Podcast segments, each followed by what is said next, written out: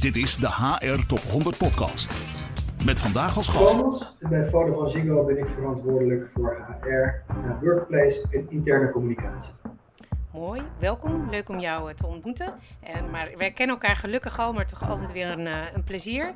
En uh, Koen hebben wij ook hier, uh, heb ik voor mijn scherm zitten. Jullie zien hem niet, maar ik gelukkig wel. Koen, zou jij jezelf ook willen introduceren? Natuurlijk, dag iedereen. Ik ben Koen de Wettink, partner aan Vlerik Business School, academisch verantwoordelijk voor onze MBA-programma's en inhoudelijk voornamelijk bezig met strategisch HRM. Mooi, welkom uh, beiden. Heel fijn dat we jullie uh, kunnen spreken. Hè, we zitten hier uh, voor de Future of Work categorie. En omdat Future of Work natuurlijk wel een heel breed thema is, hebben we wat lijn aangebracht door op drie subthema's in te zoomen. we gaan het hebben over Future Work Skills, Future Workforce en Future Workplace. Um, en dan maar meteen beginnen met de eerste, Thomas. Uh, skills, hè? als je dat uh, hoort. Uh, het gaat heel veel over reskillen, upskillen, upskillen hè? en veel gebruikte term. Wat, wat zegt de term skills jou in relatie tot jullie organisatie? Nou, als je het hebt over upskillen, dan begint het ermee dat je moet realiseren dat dat verandering betekent. Op het moment dat jij je ontwikkelt, nieuwe vaardigheden aanleert, dan ben je aan het veranderen. En veranderen is niet altijd iets wat mensen comfortabel vinden. Dus mensen moeten out of comfort. Uh, en dat betekent dat, dat mensen moeten eerst inzien waarom het belangrijk is. En uh, wat het belang is om relevant te blijven voor het bedrijf, relevant te blijven voor de samenleving en zelf ook gelukkig te blijven. Dus het begint met, met, die, met die wil om te ontwikkelen bij mensen zelf. Mm. Um, ja, en dan uh, moet je natuurlijk vanuit je organisatie kijken hoe ga je mensen helpen om dan uh, die ontwikkeling door te maken. Uh, we hebben daar een paar dingen voor gedaan. om te beginnen hebben we een grote verandering doorgevoerd in ons performance management beleid. Mm -hmm. We waren aan het, altijd aan het terugkijken met performance management en aan het ranken van 1 tot 5 in een forced ranking. En dat hebben we helemaal losgelaten. Nu hebben al onze medewerkers één keer per kwartaal een grow-gesprek, noemen we dat. En in dat kwartaal kijken we niet alleen terug maar naar het afgelopen kwartaal, maar ook vooruit. En gaat het niet meer over beoordelen, maar gaat het over ontwikkeling, groei. Dus we hebben echt het gesprek over ontwikkeling en skills en groei losgetrokken van beoordelen. En we managen steeds meer performance naar de toekomst toe. Mooi, en daarmee beloon je eigenlijk ontwikkeling. Hè? Dus dat, uh, ik kan me voorstellen dat, dat het daarmee ook belangrijker wordt voor werknemers uh, om te ontwikkelen. Exact. Dus we, vragen, eh, we stellen eigenlijk elk kwartaal drie vragen. Dat is wat ga je doen? Hoe ga je bijdragen? Wat worden je doen? Dan het tweede is op je eigen ontwikkeling. Hoe ga je ontwikkelen? En het derde is, gaat meer over cultuur en waarden. Ja. Uh, wat zijn daar de doelen voor het komend kwartaal? Ja, mooi. Ja, en als mensen dat dan weten, dan moet je natuurlijk richting, je moet richting kunnen geven aan die ontwikkeling. En daarom hebben we ons uh, ja, functiehuis helemaal vereenvoudigd en omgebouwd eigenlijk tot een career framework. En zo maken we inzichtelijk voor al onze medewerkers wat de volgende stappen kunnen zijn in hun carrière en welke skills, welke vaardigheden daarbij nodig zijn. En dat is eigenlijk een levend framework. Dus elke keer als er een ontwikkeling is of een nieuwe technologie beschikbaar komt, dan wordt dat aangepast. En daar kunnen mensen dan inspiratie van halen om zelf dan daadwerkelijk die ontwikkeling te starten. Dat kan on the job, hè, gecoacht door je leidinggevende. Maar we hebben ook een, ja, een unlimited learning propositie voor onze mensen. Waarbij onze mensen onbeperkt toegang hebben tot meer dan 10.000 opleidingen, uh, cursussen, trainingen. En, en dat is ook weer gekoppeld aan dat carrièreframework. Dus zo hebben we eigenlijk de, de, de lat om te gaan veranderen, om out of comfort te gaan en te investeren in je ontwikkeling zo laag mogelijk gelegd. Mooi. En als ik je zo beluister, ook belangrijk dat de regie bij de persoon ligt. Hè? Dat hij zelf kan kijken waar, hè, wat zijn mijn opties en waar kan ik dan uh, naartoe. En uh, je zei het is een levend uh, systeem, hè? dus dat wordt continu aangepast. Hè, dat is natuurlijk ook een andere vraag die heel relevant is rondom skills. Wat, wat voor ontwikkeling daarin zit ook naar de toekomst toe. Als jij kijkt naar de skills van de toekomst, wat, wat zijn dan de belangrijke dingen om onder de knie te hebben? Ja, de, de, de grootste topics bij Vodafone Ziggo zijn digital, uh, data, technology uh, uh, en die specialistische rollen. Maar vooral ook zien we dat die capabilities, dus data capabilities en digital capabilities, eigenlijk ingebed worden in alle functies die we hebben. Dus of je nou in finance zit, of in HR, of in marketing, of in sales. Al die vaardigheden moet iedereen ontwikkelen. Dus je, ziet, je hoort nu vaak nog wel mensen zeggen: er is een krapte op de arbeidsmarkt. En dan hebben we het over die specialistische skills. Mhm. Ehm, dus dat is één uitdaging. Maar de andere uitdaging is dus dat iedereen binnen het bedrijf die skills, die vaardigheden moet ontwikkelen. Ja, ja. Ja, en dat is voor de een natuurlijk makkelijker dan en ligt dichterbij het, hè, de, al de eigen functie dan voor de ander. Koen, herken jij uh, wat, wat Thomas zegt?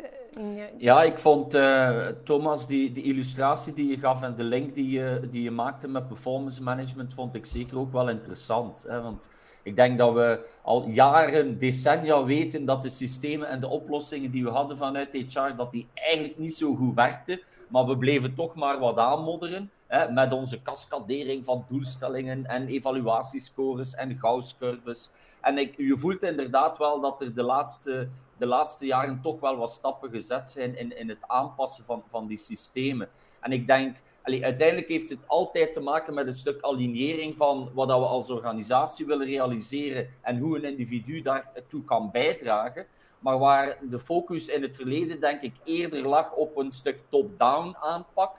We gaan die organisationele doelstellingen eh, gaan vertalen naar lager liggende, lager niveaus. Sorry. Zie je nu dat het eigenlijk veel meer bottom-up wordt geïnitieerd. Het individu uh, wordt gechallenged om zijn eigen inzetbaarheid in vraag te stellen, maar ook na te denken van waar wil je zelf naartoe, wat vind je zelf belangrijk, wat vind je zinvol. En eigenlijk is de uitdaging van de organisatie om daar dan antwoorden op te bieden. En dus in die zin zie je toch een, een duidelijke shift en die ik dacht ook, uh, te herkennen bij jullie. Ja, als ik jullie zo beluister, dan uh, hè, die individuele behoeften, het individu staat op één. En we hebben daarnaast ook te maken met verregaande flexibilisering. Hè, dus um, wat ik me dan afvraag, als je, het is best een investering die je doet in mensen. Hè? Als je continu bezig bent met het investeren in, in, in opleiding en in, in doorgroei. Hè, terwijl je aan de andere kant ook ziet dat mensen misschien korter blijven of minder uh, op een andere manier verbonden zijn. Hoe zijn die twee dingen met elkaar te rijmen? Nou, die rijmen uitstekend. Hè? Dus, dus uh, als je in investeert in de ontwikkeling van de mensen en ze kunnen een loopbaan bij jou uh, doormaken, dan blijven ze langer.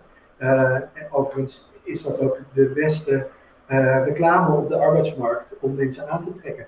Um, dus elke maand heb ik een welkomstbijeenkomst met al onze nieuwe mensen. Dan vraag ik altijd, waarom werk je bij ons? En dan is het de cultuur en de ontwikkelmogelijkheden waarom mensen bij ons komen werken. En daarmee hebben we de business case al rond. Um, maar de uitdaging die we hebben is denk ik een iets andere. Wij zijn denk ik vanuit HR, en ik laat ik dan ook echt voor mezelf spreken en mijn eigen team, wij kunnen best wel snel dingen in gang zetten. Veranderingen realiseren.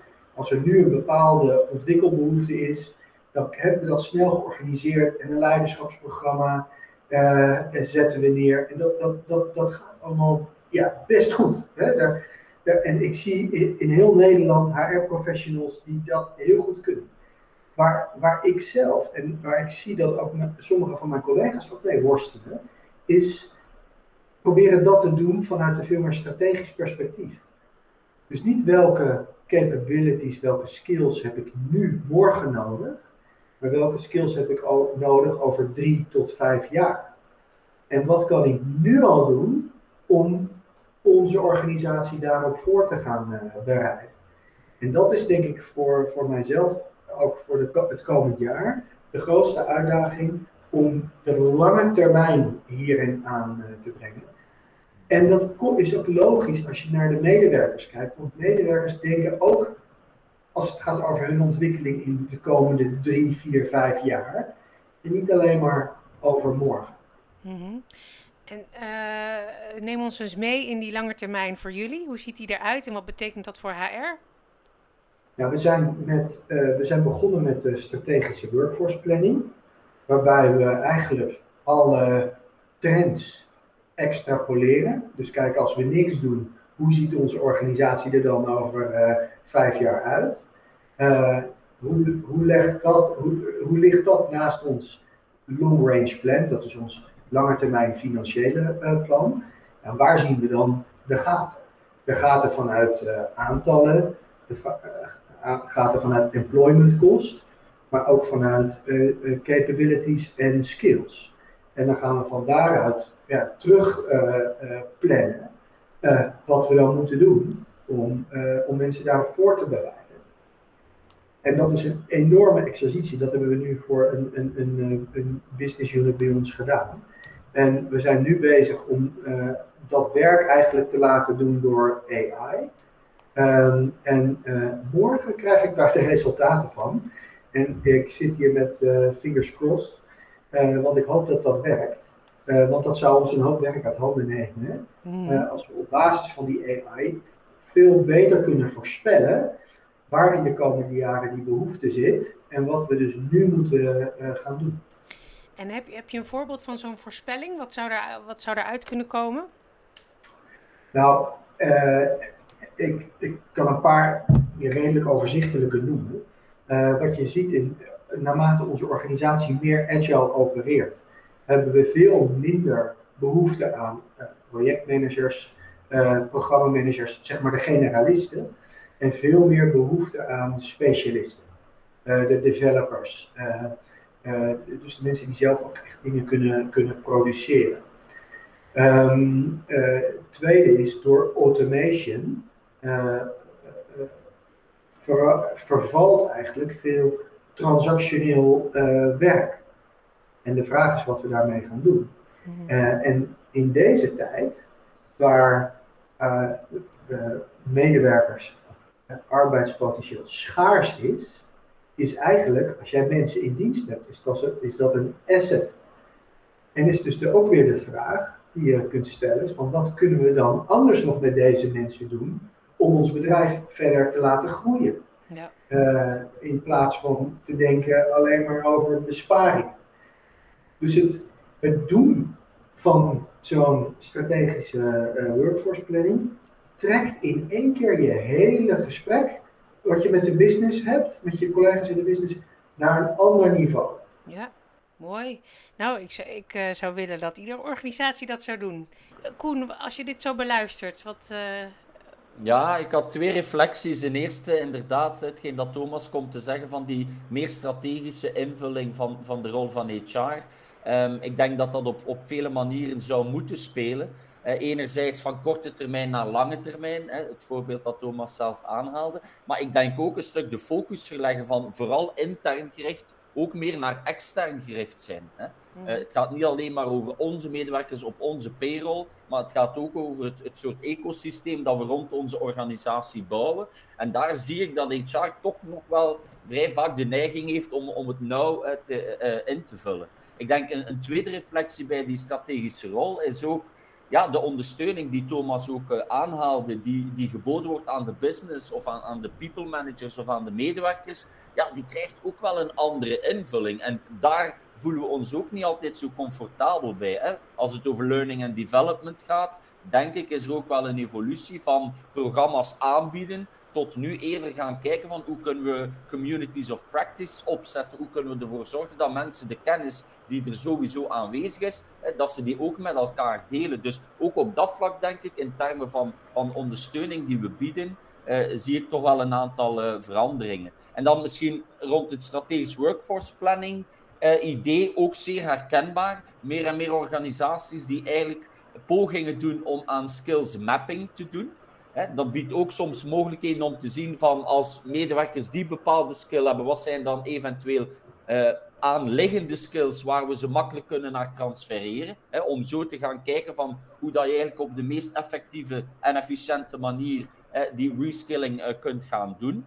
Maar ik denk dat er ook wel altijd een element van onvoorspelbaarheid zal blijven. En dus ik denk inzetten, maar ook in kaart brengen van, van learning agility en van flexibiliteit als algemene skill, denk ik zal ook uh, aan belang winnen. Ja, mooi. Ik zie dan zo'n soort van functie familie vormen. Hè? Zo van, wat zit er in jouw familie? Waar kan je snel naar hm. door? Uh, ja. En uh, Thomas, jij noemde het in onze voorbespreking ook uh, de, de duurzaamheid. Hè? Dus op een duurzame manier omgaan met, met mensen. Dat is natuurlijk ook waar dit om gaat, denk ik. Ja, kijk, ik denk dat, dat we ons ook moeten afvragen met deze veranderingen, die we in heel veel bedrijfstakken zien en als ik ook met andere HR-directeuren spreek, dan zijn het allemaal dezelfde trends. Data, digital, agile, technology. Dan weten we dat we die skills niet zomaar op de arbeidsmarkt gaan vinden, want we zitten met z'n allen in diezelfde pool te vissen. Ja. Dus ook als samenleving is het belangrijk dat we een cultuur van ontwikkeling uh, creëren. Een cultuur waarin mensen relevant willen blijven en mee willen gaan. We zullen ook steeds langer uh, moeten uh, werken. Um, dus ik denk dat dat voor ons allemaal heel erg belangrijk is, zodat je minder die schokgolven hebt. We hebben in de bankingindustrie bijvoorbeeld uh, gezien dat er ja, in, in, die digitale transformatie grote aantallen ontslagen zijn gevallen. En daar, daar, daar gaat dus veel potentieel ook mee verloren. En um, ja, ik vind het wel een, een, mooie ambitie om te kijken hoe je dat zo, zo incrementeel mogelijk kunt doen. Ja. Maar wel heel duidelijk met langetermijn strategische uh, doelen. We hebben gisteren een, um, uh, een persconferentie gehad, hè, waarin eigenlijk gezegd alles weer open werd gegooid. En uh, ik eh, nu heel veel mensen hoor die zeggen, nou we gaan nu echt uh, weer uh, terug naar kantoor. Hè, en dat brengt me ook op het workplace. Hè. Thomas, jij zei al, ik ben ook verantwoordelijk voor facilities. Hè, dus het is het kantoor, de werkplek, hè, maar natuurlijk ook hoe je dan samenwerkt. Ben ik heel benieuwd hoe, hoe jullie dat beluisterd hebben en wat dat voor jullie betekent. Onze collega's van, van facilities die waren vanochtend dolblij want uh, die zijn er natuurlijk om onze collega's te verwelkomen op onze kantoren. En uh, dat, uh, dat gaat weer gebeuren. Dus dat is echt super. Waar wij de afgelopen tijd veel tijd met onze teams aan hebben besteed, is het, is het afspraken maken over hoe we in deze hybride wereld met elkaar willen gaan werken. en wij hebben daar een aantal principes voor. Dus wij vinden het heel belangrijk dat iedereen eigenlijk twee dagen per week eh, naar kantoor komt. Uh, om de verbinding met het bedrijf te blijven voelen. Als je onder het logo doorloopt, dan denk je, nou hier hoor ik bij, dit is mijn, mijn club. Um, de verbinding met je team, uh, maar ook die toevallige ontmoeting op de gang mogelijk te maken. Mm We zijn een heel, heel divers bedrijf en dat het succes bij ons hangt af van samenwerking tussen mensen bij verschillende afdelingen. En dat helpt als mensen vertrouwensrelaties kunnen ontwikkelen op kantoor. Mhm. Dus daarom komen mensen naar kantoor. En we hebben met onze teams afgesproken dat als je dan op kantoor bent, doe dan ook de dingen die heel complex zijn, die heel, waar creativiteit bij komt kijken of misschien emotie. Maar ga vooral de dingen die transactioneel zijn, informerend, afstemmen, beslissingen nemen, doe die vooral virtueel.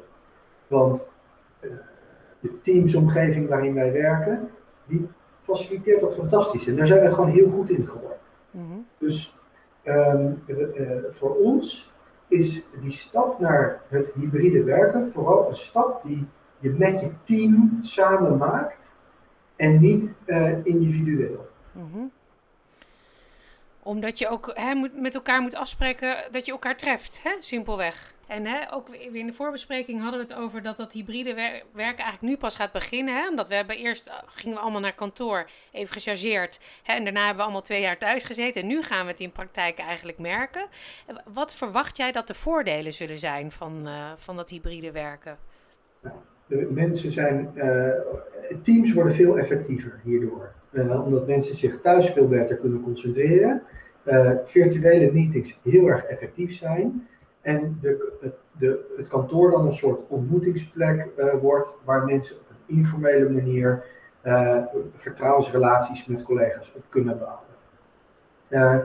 Dus, dus het gaat over effectiviteit van onze mensen en, en, oh, en van de organisatie. Wat je dan daarnaast gaat ongeveer de, de reistijden, die gaan door de helft. als mensen maar de helft van de tijd op kantoor hoeven zijn. Dat heeft een enorme impact op het milieu, een positieve impact. En ook uh, uh, scheelt dat ook in, in de kantoorruimte die je uiteindelijk nodig zult hebben. Dus daar zit dan ook een, eh, een kostenvoordeel aan. Ja.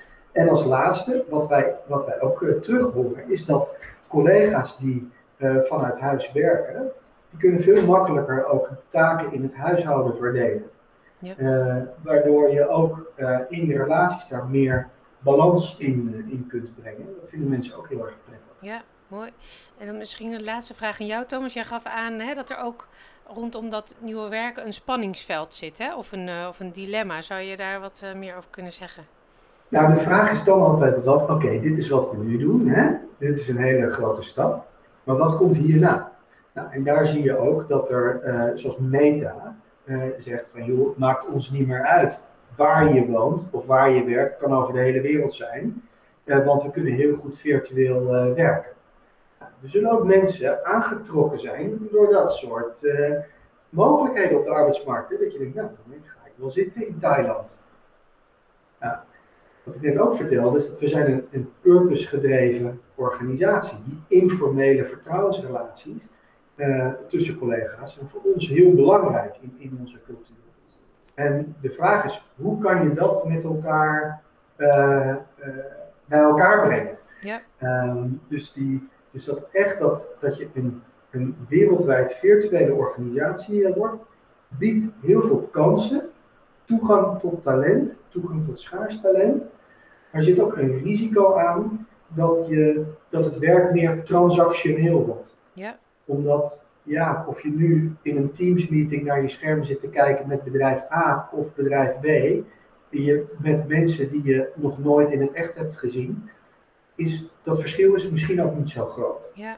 Nou, en dat, dat, is, dat is wel iets wat, wat nu door mijn hoofd echoot. Ja. Hoe, hoe, hoe moeten we daarmee omgaan? Ja, kan ik me voorstellen. En ook een mooie opdracht voor HR. Hè? Om dus die mensen op wat voor manier dan ook toch aan je purpose te verbinden. Hè? Zodat je weet waarvoor je het doet. Koen, hoe beluister jij dit? Ja, ik denk dat er evenveel boeken en artikels en ideeën en modellen uitgewerkt zijn rond alles wat te maken heeft met flexibilisering. En inderdaad, alle mogelijkheden moeten geboden worden. Maar evenveel eh, literatuur rond alles wat te maken heeft met identiteit, connectie, verbondenheid, cultuur eh, van organisaties. En beide zijn zeer belangrijk. Um, en dat evenwicht vinden is inderdaad niet evident. Wat ik, wat ik ook gehoord heb in het verhaal is van um, vanuit HR werken met principes eerder dan met regeltjes. Hè. We hebben een aantal principes die denken die belangrijk zijn voor onze organisatie.